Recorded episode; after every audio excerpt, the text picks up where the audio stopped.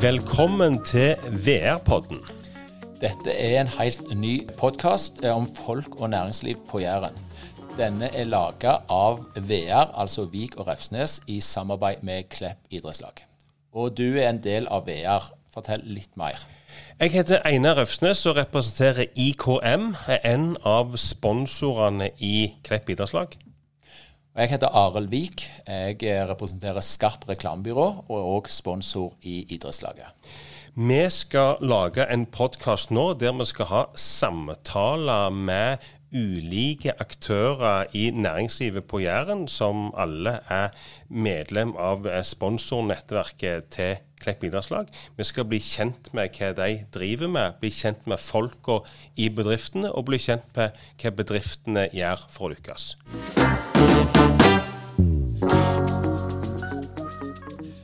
Dagens gjest er Knut Henrik Kulleseid. Få har hørt om Knut Henrik, men mange kjenner Kulli. Og siden eh, han er blant venner i dag, så vil vi omtale denne 40 år gamle mannen fra Klepp som Kulli. Kulli jobber som operasjonssjef i DGM. Ellers er han spiker på Klepp. Han er trener for fotball og håndball. Og Kulli er en sann Klepp-venn. Han har 125 A-kamper for Klepp og fem mål. Så Derfor så er det naturlig å stille dette første spørsmålet. Hva skjedde disse fem gangene? Hiver du meg rett inn i hvordan jeg skårte fem mål for Klepp? Uh, nei, jeg var jo en kjent fotballspiller på høyre back som egentlig hadde et rykte som sa at jeg aldri var over midtbanen. Uh, de fem gangene der de husker jeg ikke for godt, men jeg husker en gang i andredivisjon vi spilte mot Nest Sotra. Da var meg og Egil Lyse og Rune Austli oppe i området det nest Sotra. Og da husker jeg at eh, vi lå vel under 2-0. Eh, og jeg gikk opp og fikk ballen inn. Skårte den. Jeg slo han i mål. Eh, det er greit nok, for det så ikke dommeren, så vi sprang tilbake mot midtbanen. Men så begynner jo jeg å rope 'Jeg slo han inn! Jeg slo han inn!' Og da kommer Rune Austli. 'Du må tie stilt!' Så klarte vi 2-1 der, og så Egil Lyse han klarte 2-2, så vi var egentlig ganske fornøyd med kampen. Men eh, vi skal holde litt i fotballen før vi går over til jobb. fordi da spilte dere på nivå tre i Norge. Mm. Det, er altså, det, det, er ganske bra. det Klepp var ganske høyt oppe. og en høyreback på det nivået var jo faktisk ganske god, selv om kan, du kan prøve å snakke deg litt ned. Mm. Ja, altså vi for min egen sin del så var jeg aldri en barnestjerne. Jeg har aldri sett et kretslag, og jeg har egentlig bare tatt og dilta etter. Mange av mine gode venner, med Einar Braut og Morten Haaland, Steffen Horpestad, gikk til både Viking og Bryne, men sjøl så var jeg veldig grønn, og det jeg fikk tilbake igjen der, det var et A-lagsmiljø som var fantastisk. Eh, og da ble det 125 kamper der vi var en utrolig sammensveisa gjeng. Det var en spennende historie, Kulli. Du har gjort mye bra på fotballbanen, men du har òg lykkes rimelig bra i næringslivet. Og representerer ei bedrift som heter DGM, som jo er en av sponsorene i Klepp idrettslag. Så kan ikke du, Kulli, si litt om hva er DGM på noe? Hva står disse bokstavene for? Det er ikke 'Don't Get Married', eh, som mange tror? Eh, mange tror det er det, mens i og med at de fleste i selskapet har gått vekk fra den regelen, så heter vi faktisk for Dangerous Goods Management. Med et selskap som hadde sin opprinnelse fra Schiphol flyplass i Amsterdam.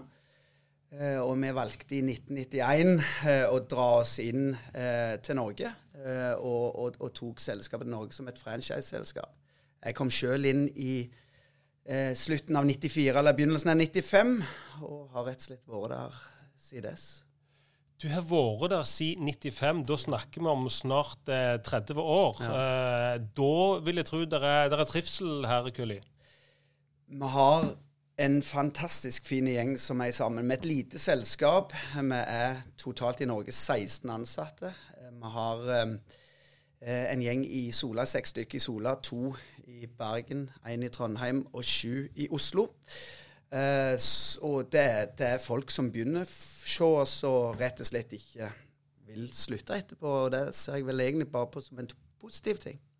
Men vi har jo ikke hørt om dere, så fortell litt. Hva, hva driver dere egentlig med? Vi driver, det, det heter at vi er spesialister i transport av farlig gods, men vi transporterer jo ingenting. Så allerede der burde jo selskapet gått ad undras for lenge siden. Men vi er eh, konsulenter som er spesialister på vårt område. Det er å hjelpe folk til å transportere farlig gods. Vi, sitter, vi deler firmaet opp i fire. Vi har eh, ca. 40% av vår omsetning går på kurs innenfor bil, båt, fly og bane. Der vi tar og lærer folk opp å sende farlig gods, så de kan klare seg på egen hånd. Klarer de seg ikke på egen hånd, så tagger vi og får inn det farlige godset til oss, eller reiser ut i bedrifter. Vi gjør den operasjonelle biten der og hjelper dem. Uh, I tillegg så har vi egne konsultasjonsavdelinger som uh, reiser rundt til ulike, ulike selskaper fra Lindesnes til Svalbard og gjør um, ja, sikkerhetsanalyser innenfor transport av farlig gods og lagring av det. Og så har vi en god del produkt som selges. Og det er egentlig de fire hovedkonseptene eh, og vi har. I tillegg så kan jeg si at vi er et verdensomspennende selskap. Jeg er veldig stolt over at vi i Stavanger var det første selskapet utenfor Nederland. Iallfall nå når vi er i 35 land og har gått 65 eh, kontor. Nå løy jeg for meg i 33 land. Men eh, de fleste bør jo stille i denne podkasten sånn som deg, og det kan jo ikke folk se, så du må bare forklare at du stiller jo i dress i dag. Og, og det er jo forbilledlig. Men, men, du kommer rett ifra jobb. Eh, mm. Fortell hva du har vært med på, eller hva du har gjort i dag. I dag har jeg eh, I dag er jeg på, på Quality Airport Hotel på Sola, eh, som vi bruker som undervisnings, eh, en undervisningsplass. Jeg eh, underviser i dag og i morgen 14 ansatte fra Equinor det er hovedsakelig eh, materialkoordinatorer og eh, dekksarbeidere ute i havet. Der ute så har de masse farlig gods så de skal sende med supplybåter inn til de ulike basene de sender inn til. Og da lærer jeg dem hvordan de skal ja, klassifisere dette, pakke det, merke det, dokumentere det, sende det på en trygg måte i en container på vei inn til land. Men hvordan lærte du dette? Vi er de eneste i Norge som holder på med hele konseptet med opplæring og, og, og holder på å ta i det som går på farlig gods, både på bil, båt, fly og bane. Når disse nederlenderne som vi fikk kontakt med, eh, sa at vi kan ta Norge, så reiste vi til Amsterdam og tok utdanninga der. De nye ansatte som vi ansetter nå, de tar utdanninga hos oss, for vi er de eneste som driver med dette i Norge. Vi har et godt marked som sier at alt er vår, men, men vi syns det er litt merkelig etter over 30 år hos oss at ingen andre våger å gå inn og, og, og, utfordre oss. Så um, vi lever godt med det.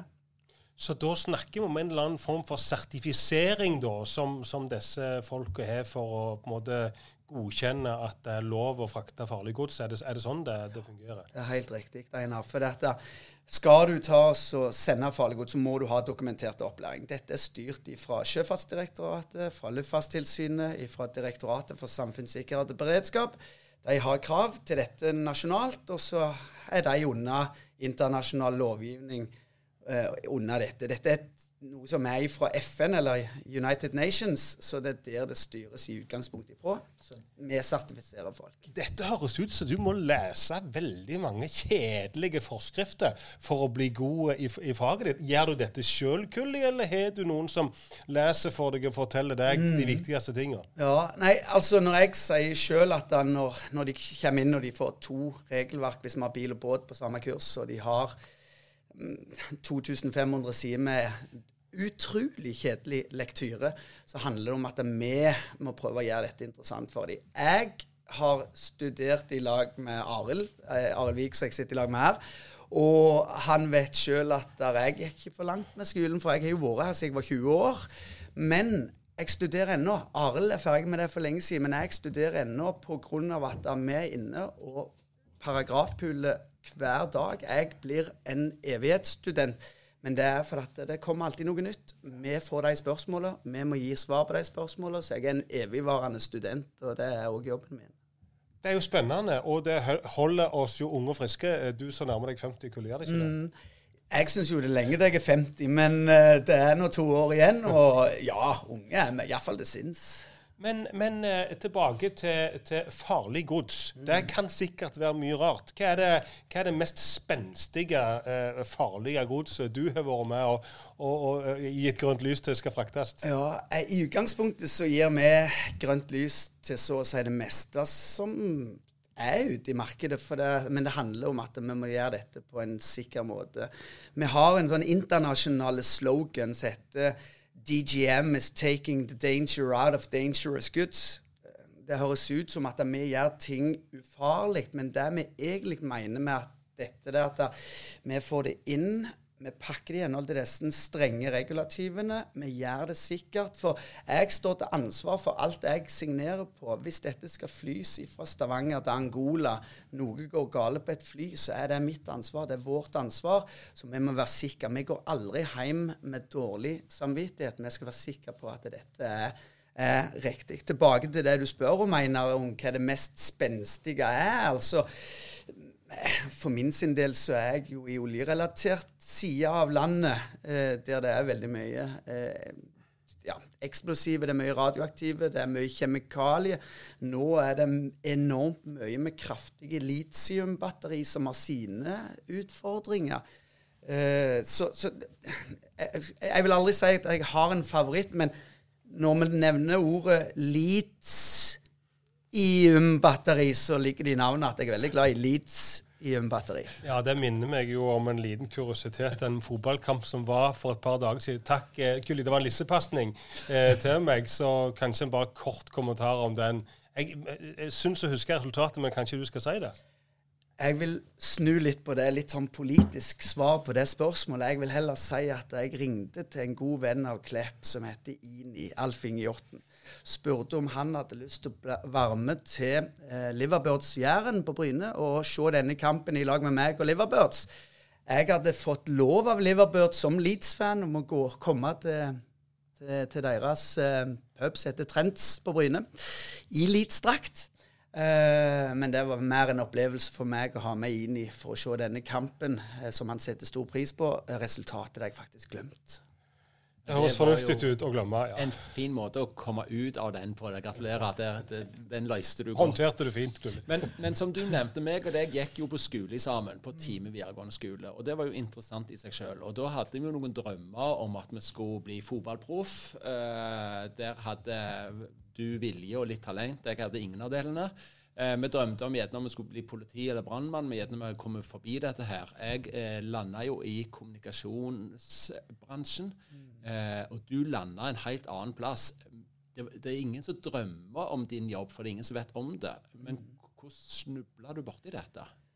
Det er en litt sånn spesiell ting, dette her. For dette er et gammelt eh, rederi som heter Sigvald Bergesen DY, som faktisk òg starta Blokk Bergebygg på, på Klepp stasjon de eide oss. Eh, vi hadde noe som heter Sigvald Bergesen Cargo, og så hadde vi da DGM.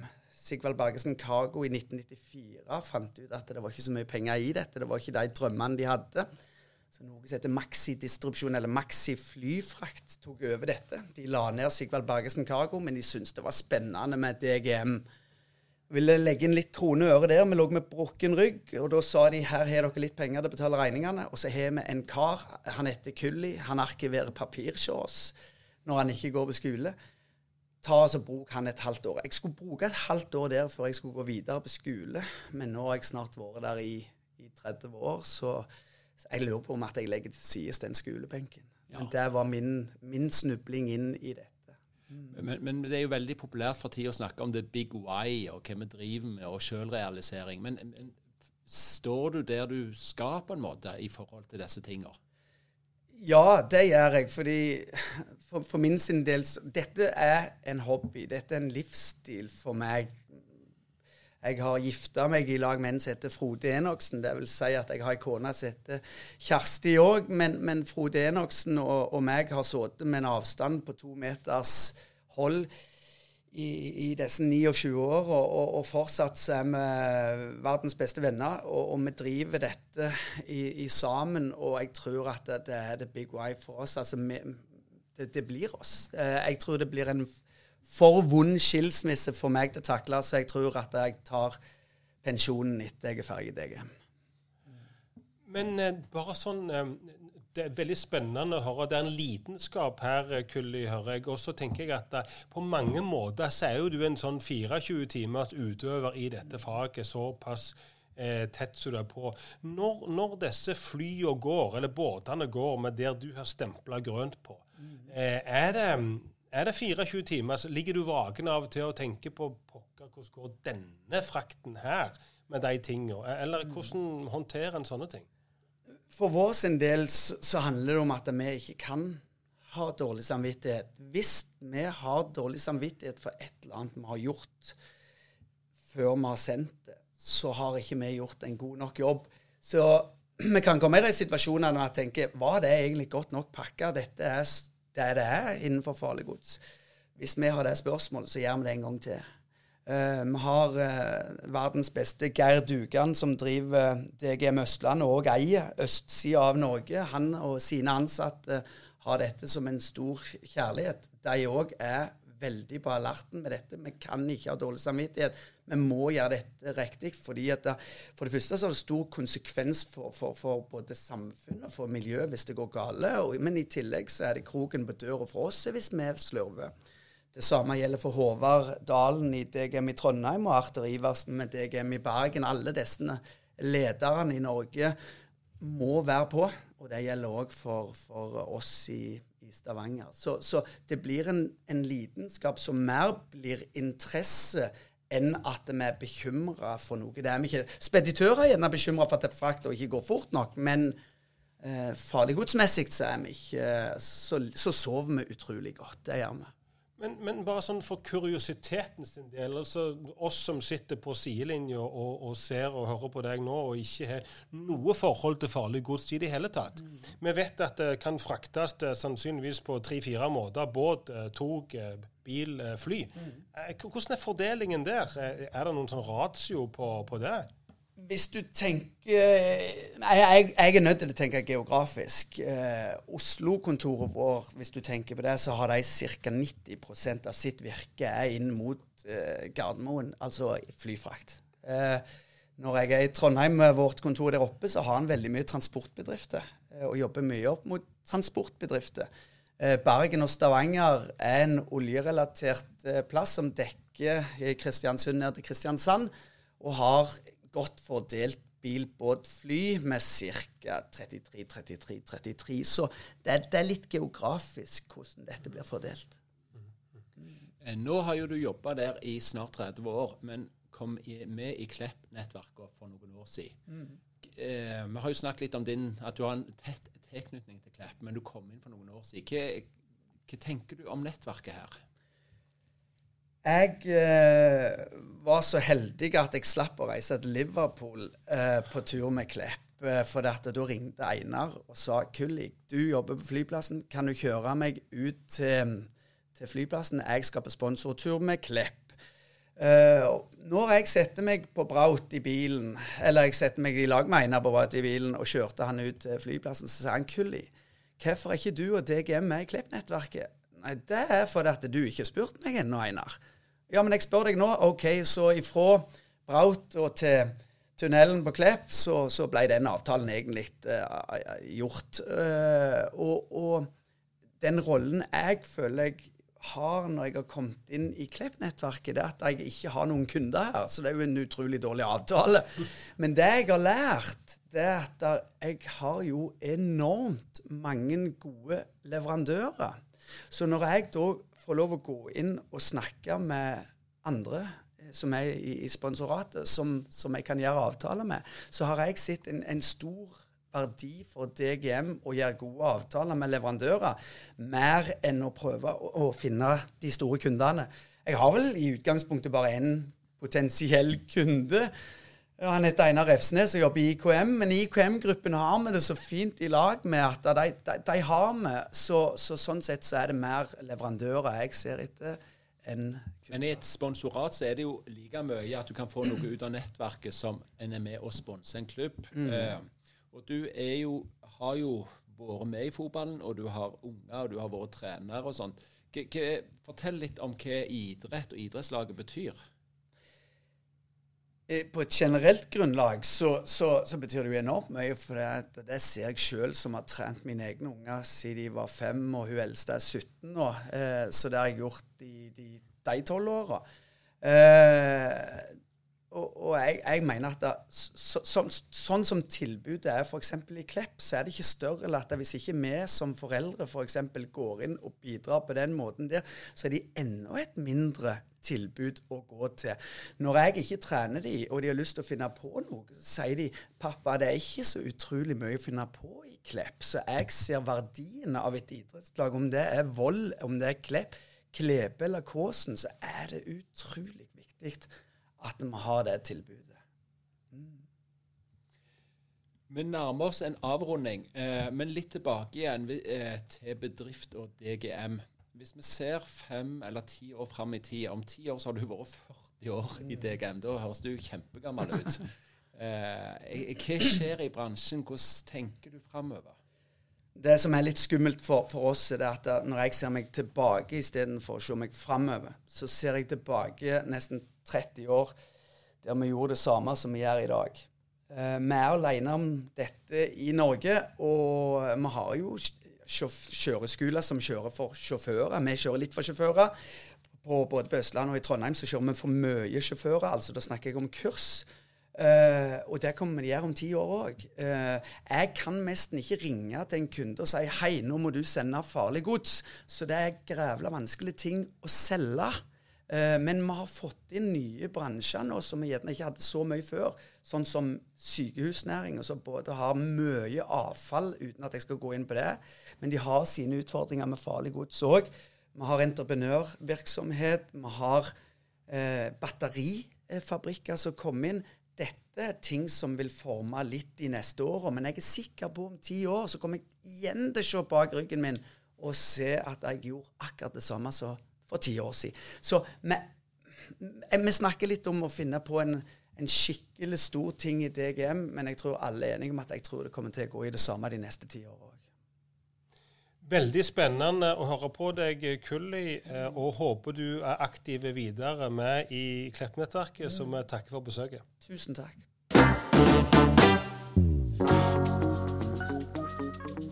I denne podkasten benytter vi to utstyrsleverandører som vi vil rette en takk til. Det er Espenes og Olsson.